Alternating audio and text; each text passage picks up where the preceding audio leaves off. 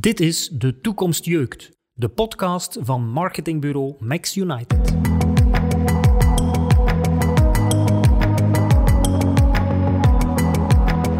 Iedereen heeft de mond vol van wendbaarheid. Bij Max United hebben we het vaak over creatief kantelen. Corona heeft die nood keihard op de agenda geplaatst. Maar de kloof tussen denken en doen blijkt groot. Heel wat CEO's worden geremd door hun vrees de controle en het overzicht te verliezen. Hoe verzoen je de nood aan verandering en wendbaarheid met de nood aan structuur en standvastigheid? Met die vraag richten we ons tot Gert van de Vijver.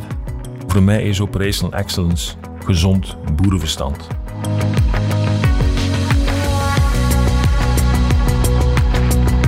Gert, welkom in De Toekomst Jeukt. Met jouw bedrijf Fuller en je software tool To-Do help je ondernemingen om wendbaar te zijn en toch de controle te houden. En je doet dat vanuit een rijke praktijkervaring. Schets je kort even uh, je parcours? Wel, ik ben uh, al 27 jaar uh, actief in de KMO-wereld als operationeel manager.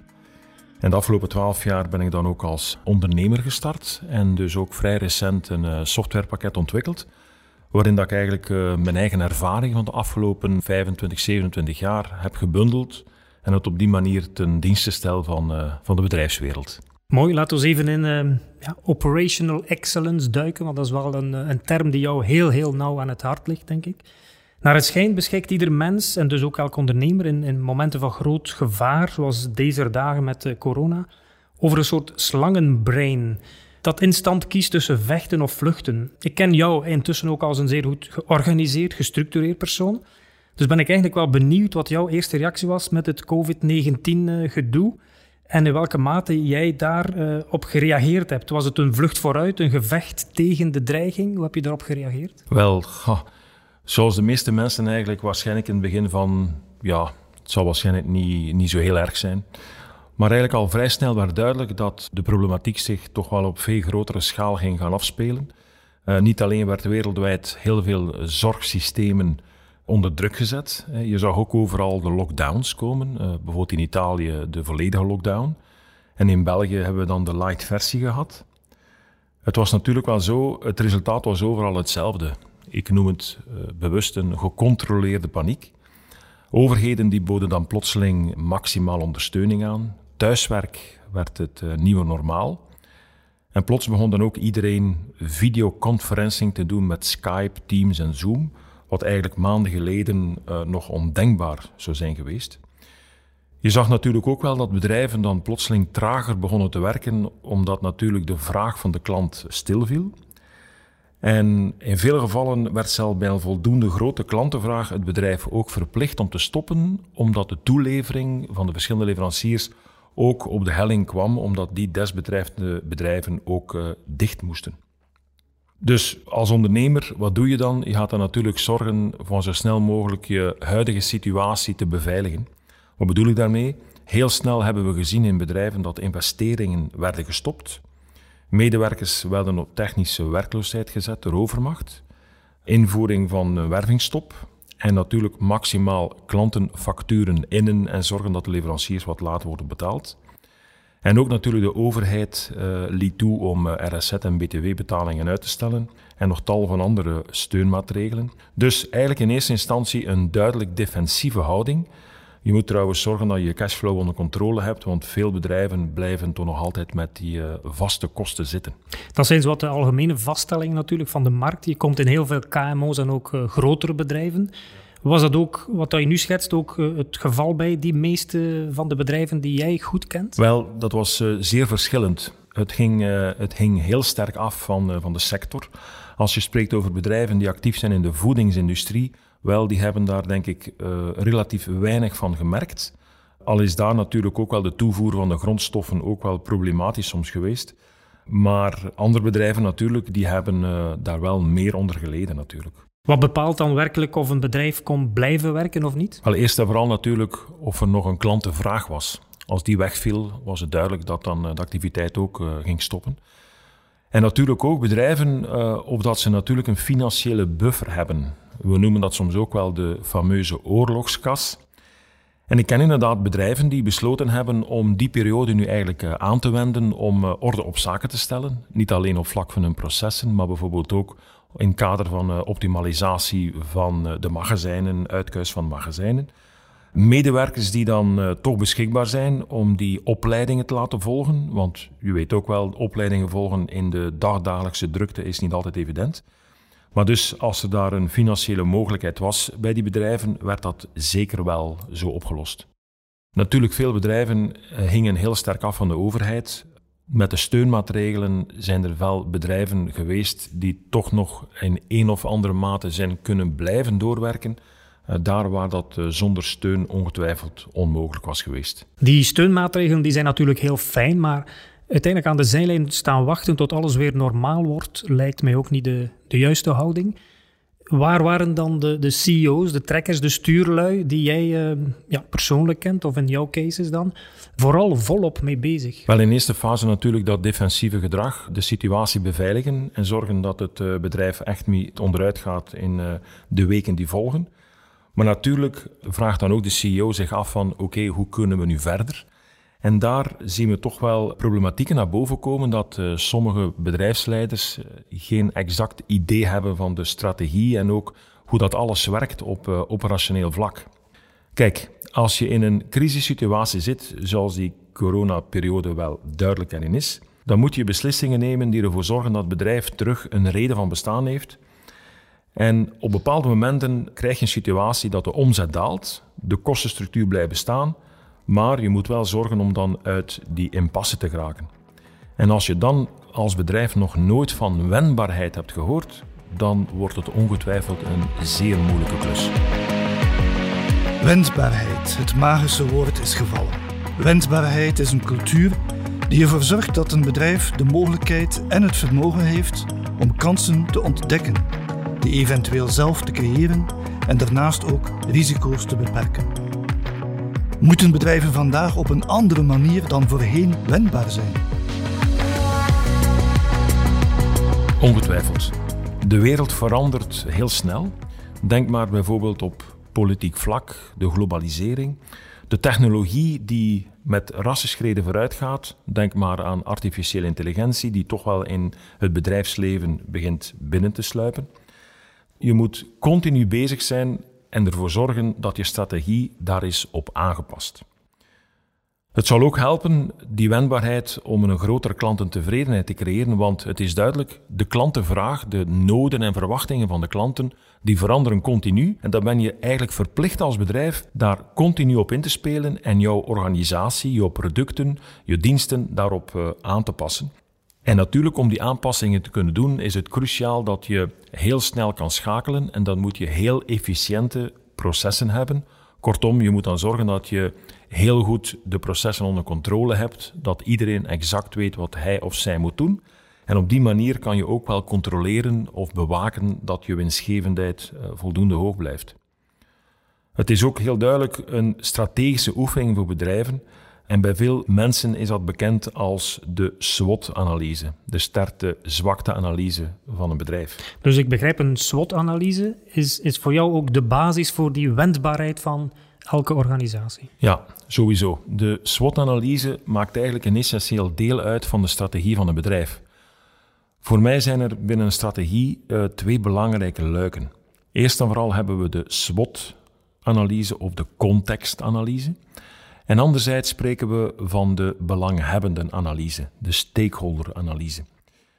Nu, om met het eerste te beginnen, een contextanalyse gaat eigenlijk een overzicht geven van alle interne en externe factoren die kunnen invloed hebben op je organisatie. Want stel je voor, je organisatie kan je vergelijken als een bol die rondzweeft in de ruimte. Maar die wordt natuurlijk beïnvloed door allerlei factoren rondom die bol. En om een aantal voorbeelden te geven van die verschillende invloeden, dat kan zijn politiek, economisch, sociaal, technologisch, ecologisch en legaal. En eigenlijk deze zes domeinen, dat noemen we ook wel uh, de PESTEL-methode. Dat is trouwens het acroniem van die uh, zes domeinen: politiek, economisch, sociaal, technologisch, ecologisch en legaal. En het is heel belangrijk dat je als management heel goed nadenkt over alle kansen en opportuniteiten die er zijn over die zes domeinen, maar ook heel zeker wat de risico's zijn. Het is de bedoeling om de kansen en de opportuniteiten te maximaliseren en jouw risico's eigenlijk te gaan minimaliseren. Maar natuurlijk, een grote fout die gemaakt wordt in bedrijven is, men maakt hele mooie analyses en na zes maanden zegt men van oké, we halen terug dat rapport boven, maar er is niks mee gebeurd. Dus het grote struikelblok is in strategie voor mij dat er wel analyses gebeuren, maar er zijn onvoldoende acties aangekoppeld, waardoor dat eigenlijk die analyse een dode letter is. Dus ik begrijp, en dat ervaar ik eigenlijk ook in heel veel cases bij ons, dat ondernemers denken dat het met de analyse, uh, dat daarmee het probleem is opgelost. Ja, helaas wel. Uh, er zijn bedrijven die gaan dan uh, off-site met gans het management één of twee dagen gaan debatteren, hebben daar hele goede discussies, maar deze oefening wordt onvoldoende dan verder gezet eens ze terug zijn in het bedrijf. En dan is het terug weer naar alle problemen van alle dagen. En helaas is men dan niet bezig met, met de toekomst. Ja, dat eerste luik in die strategie is duidelijk rond de context. Ik kan het helemaal volgen. Kan je daar ook nog een aantal voorbeelden van geven? Wel, bijvoorbeeld uh, de brexit. Hè. Ons wel bekend, uh, de afgelopen vier jaar is er over heel veel discussie geweest. En als je natuurlijk als bedrijf naast je nationale omzet export hebt naar bijvoorbeeld naar Engeland en voor de rest weinig kijkt naar die andere landen, dan heb je nu toch wel een heel groot probleem. Het is dus heel belangrijk binnen je strategische oefening dat je deze problematiek van de brexit dan tijdig kon detecteren en intussen tijd al acties bepalen om bijvoorbeeld naar de Franse of naar de Duitse markt te kijken. En zoals nu dan de brexit is doorgevoerd, oké, dan heb je al een plan klaar of al een uh, actie lopende om al naar Frankrijk en naar Duitsland uh, uit te wijken. Als je dit niet hebt gedaan, ja, dan zit je nu echt wel in de, in de miserie. Een ander voorbeeld is uh, technologie. Uh, ik ken zo'n bedrijf wat heel succesvol was in de retail met een aantal mooie winkels. En bij de strategische oefening bleek bij de concurrentieanalyse dat de concurrenten heel veel met e-commerce bezig waren. Gelukkig heeft toen het bedrijf de beslissing genomen: wij gaan ook meespringen op die trein. En hebben dan eigenlijk op een periode van 14 à 15 maand het e-commerce platform ingevoerd. Met gevolg dat momenteel de verliezen aan omzet in de winkels ruimschoots wordt goed gemaakt door dat e-commerce platform. Ja, je vernoemt daar eigenlijk e-commerce. Dat zit uh, heel dicht bij mijn uh, leefwereld natuurlijk, op mijn expertise. Je duidt het ook op technologisch vlak. Hè? uh, e-commerce, terwijl dat eigenlijk ook een heel belangrijke operationele component heeft. Hè.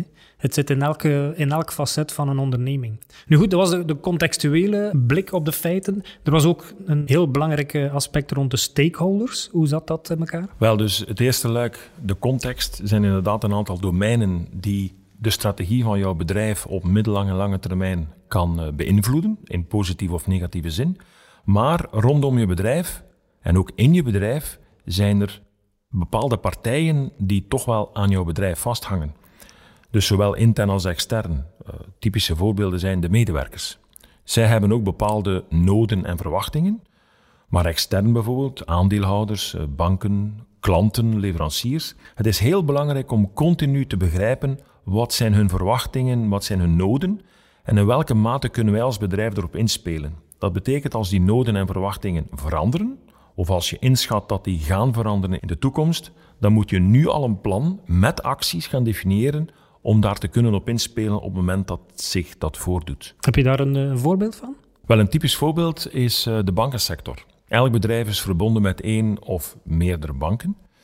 En als je dan kijkt naar de periode van 2008-2010, zag je toch wel met de financiële crisis dat er uh, heel wat problemen waren in de banksector. En dan moet je eigenlijk als bedrijf ook wel klaar zijn om in geval van nood te gaan uitkijken naar andere financieringsmogelijkheden. En dat kan je alleen maar doen als je inderdaad daar op voorhand over nadenkt en ook de nodige scenario's ervoor al op tafel liggen hebt. De inzichten die je via een contextanalyse en een stakeholdersanalyse verwerft, zijn volgens Gert dus cruciaal om ondernemingen strategisch wendbaar te maken. Maar Gert is toch iemand die de nadruk legt op het operationele Zit de kracht van een wendbare strategie niet vooral in de manier waarop je die in de praktijk brengt? Inderdaad. Helaas is een strategie niet het enige wat je nodig hebt om een essentiële basis te vormen om wendbaar te zijn als organisatie. Je moet ook zorgen dat jouw dagdagelijkse operaties klaar zijn om wendbaar te zijn. Zoals net verteld, kan je hele mooie analyses maken, maar als je er niks mee doet, dan hebben ze ook geen enkel nut. Het is belangrijk om aan alle risico's en kansen die je gedefinieerd hebt in je strategie voldoende acties te hangen die ervoor zorgen dat die strategie dan ook de desbetreffende onderwerpen aanpakt en ervoor zorgt dat jouw bedrijf continu op een dynamische manier meebeweegt met de context en met de stakeholders. Hoe maak je die processen wendbaar? Hm, ja, dit is meestal het moeilijkste om te realiseren. Het is daarom dat ik heel graag spreek over operational excellence. En eigenlijk operational excellence bestaan heel veel boeken over, maar voor mij is operational excellence gezond boerenverstand. Een bedrijf heeft een bepaalde strategie natuurlijk, maar alleen met die strategie ben je niks. Je moet gewoon zorgen dat jouw dagdagelijkse activiteiten van het bedrijf de basis vormen om jouw processen correct aan te sturen. Bijvoorbeeld, een salesproces, dat is eigenlijk een aaneenschakeling van verschillende activiteiten. Bijvoorbeeld, je kan stellen, de eerste stap in het salesproces is een prospect bezoeken. Nadien ga je een offerte maken. Vervolgens gaat die offerte worden besproken en worden goedgekeurd. Er komt de bestelling binnen. Die bestelling wordt door de klantendienst ingegeven. Stel nu in het voorbeeld van distributie, de goederen worden dan in het magazijn klaargemaakt. De goederen worden geladen op de vrachtwagen. De vrachtwagen levert de goederen.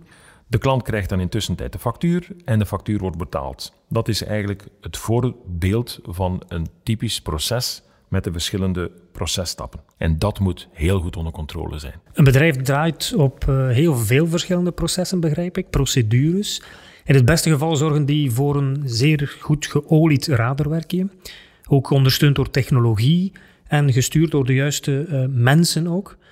Maar bij heel veel bedrijven merk ik toch dat, dat procedures vaak een, ja, nog een menselijke interpretatie nodig hebben om vlot te lopen. Een ERP-systeem wordt uh, half verkracht bij manier van spreken en, en velden in die database worden niet gebruikt voor wat ze bedoeld zijn. En die menselijke interpretatie is nodig om dat radarwerkje te blijven uh, laten draaien.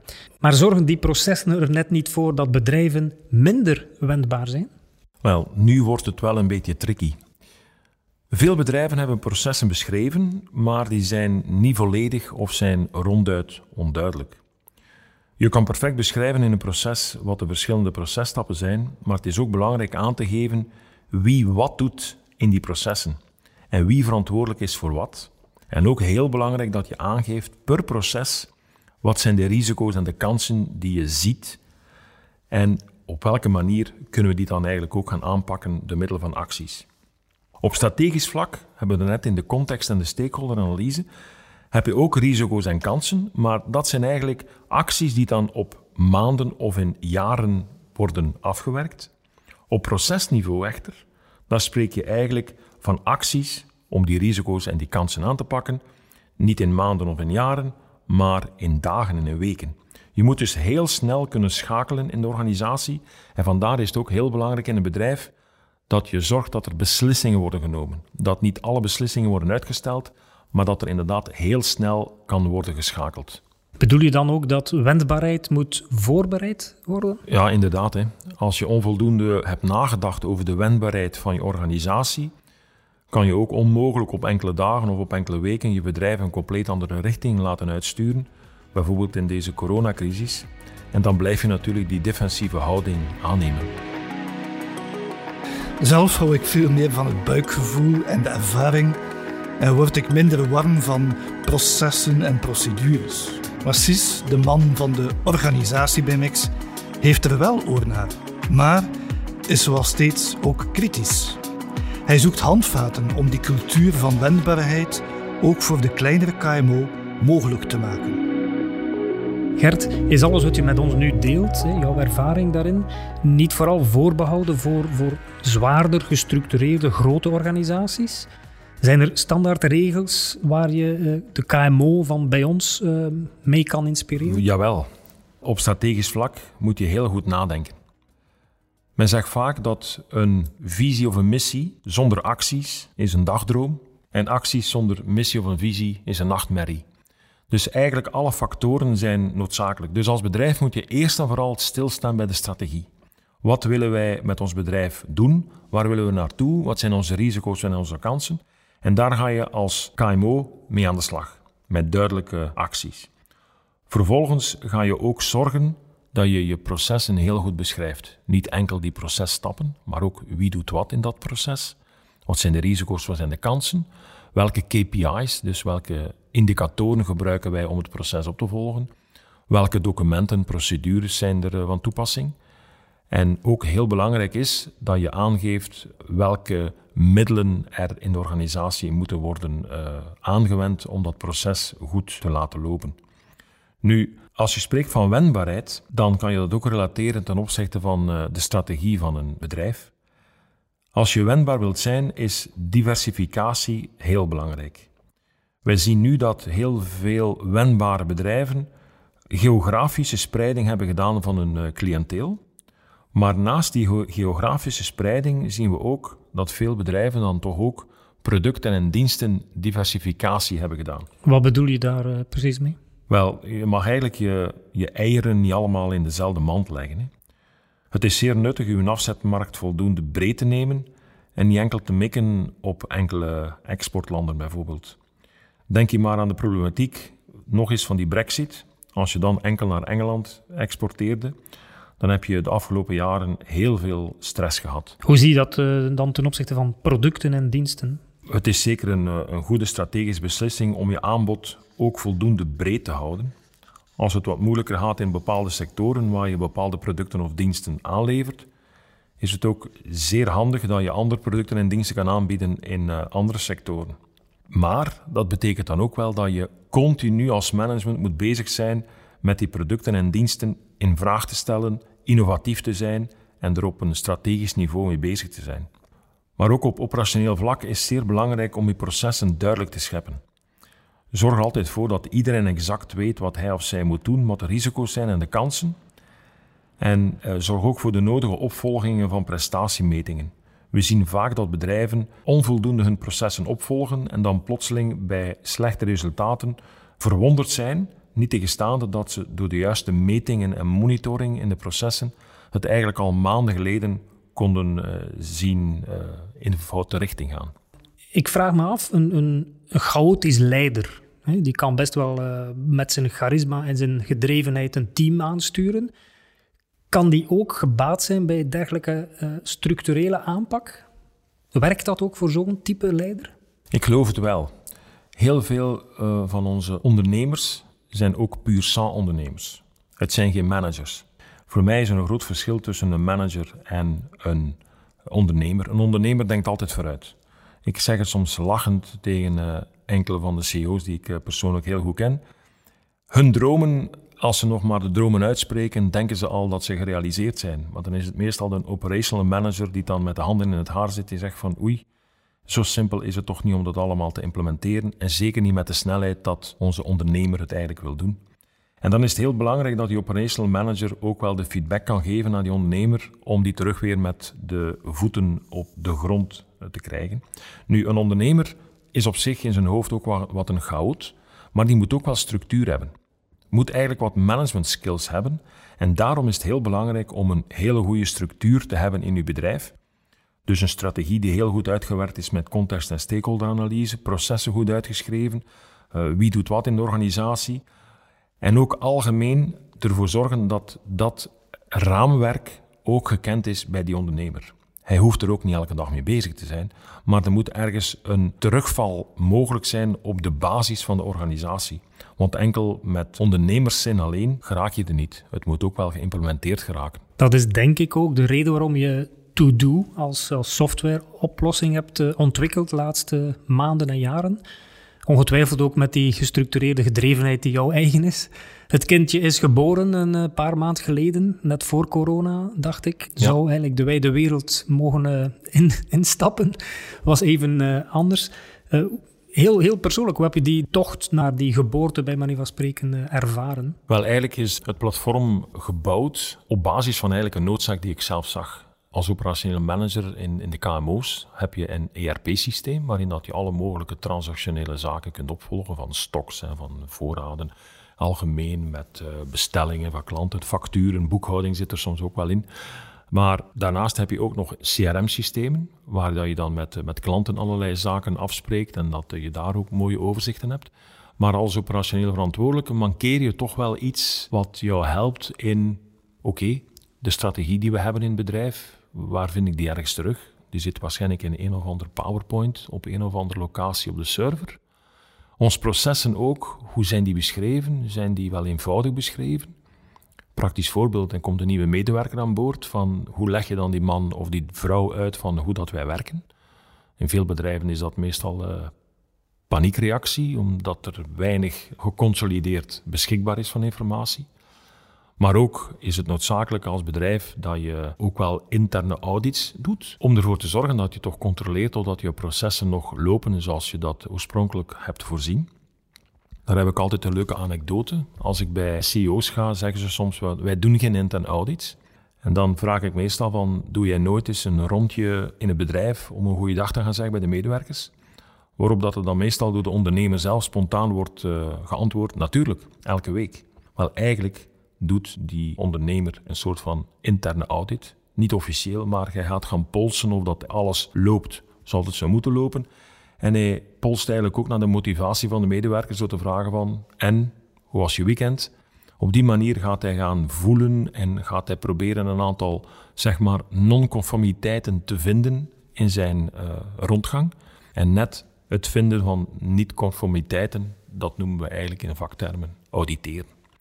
Dus wat we gedaan hebben is de logica wat een KMO moet doen op operationeel vlak, om dat eigenlijk volledig te bouwen op een platform to do. Kurt is de man van de, het organisme bij ons, het buikgevoel, spontaniteit. Ik ben eerder de man van de organisatie. Dat, die, dat tweeluik bespelen we eigenlijk ook heel spontaan.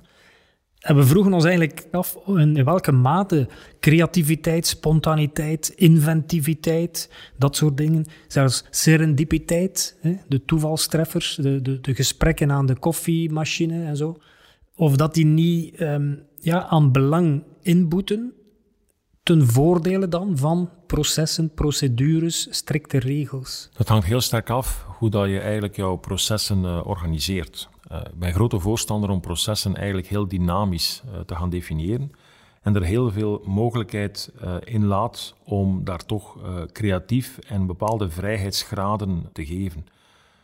Een mooi voorbeeld is, vroeger in, in kwaliteitssystemen was er noodzaak voor het schrijven van ellenlange procedures.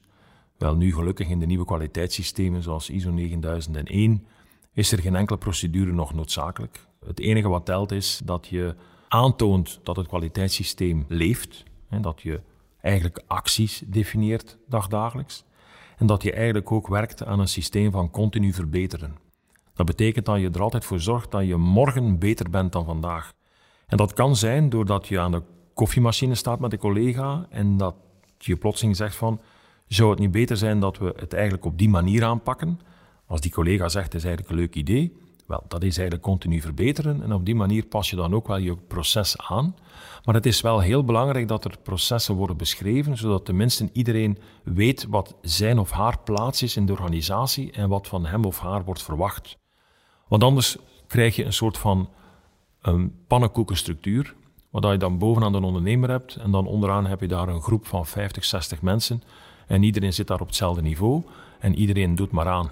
En zo werkt eigenlijk een uh, goed georganiseerde machine niet. Gert, ik wens je veel blije ondernemers, blije teams, die uh, mee dankzij To-Do of jouw hands-on aanpak uh, voelen dat ze efficiënter en rendabeler werken. Heel veel succes met To-Do en met jouw aanpak. Dank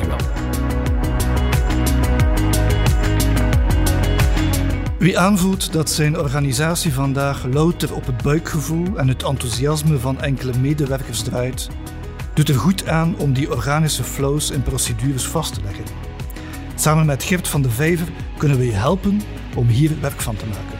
Contacteer ons gerust via mixunited.be.